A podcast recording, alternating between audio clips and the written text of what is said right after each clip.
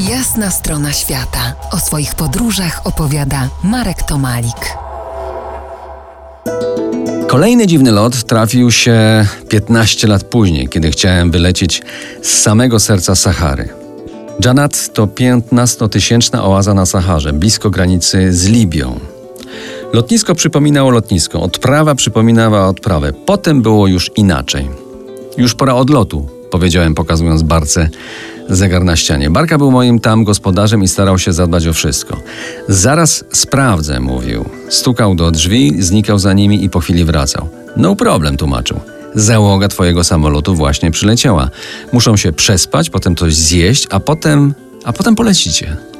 Trudno mi było uwierzyć, zaglądałem więc tam, skąd wrócił Barka. Nie mam pewności, czy zobaczyłem pilotów i stewardesy, ale byli to ludzie w pozycji leżącej lub półleżącej. Nie miałem pomysłu, płynęły kwadranse, pięć, może sześć.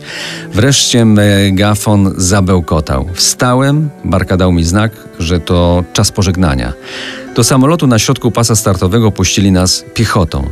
Samolot grzał silniki i jeszcze dłużej krążył po pasie startowym. Defilada?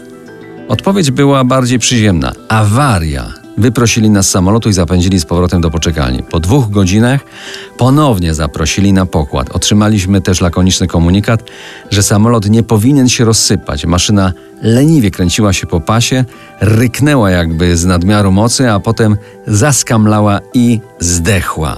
Zacząłem robić szum. Słowa i ręce poszły w ruch. Trafiłem do tych, chyba najważniejszych. Przekonywali mnie, że zdążę na samolot z Algieru do Paryża, że mam jeszcze kilkanaście godzin.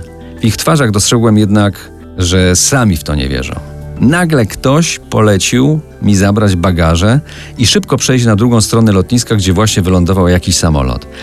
Był prawie pełny. Usiadłem z plecakiem między nogami. Przepraszam, gdzie leci ten samolot? zapytałem gościa obok. Arab nie wyglądał na zdziwionego. Al Jazair, odparł spokojnie. Samolot wystartował, ale po 10 minutach obniżył lot i wylądował. Po krótkim postoju wystartowaliśmy ponownie i odetchnąłem z ulgą. Leciał może pół godziny i znowu wylądował. To nie mógł być Algier, to była Gardaja.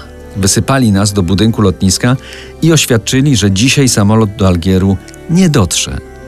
Wtedy straciłem połączenie do Paryża, ale mam nadzieję, że za tydzień nie stracę Was. Popłyniemy na dziką, dziewiczą plażę białego nieba w Australii.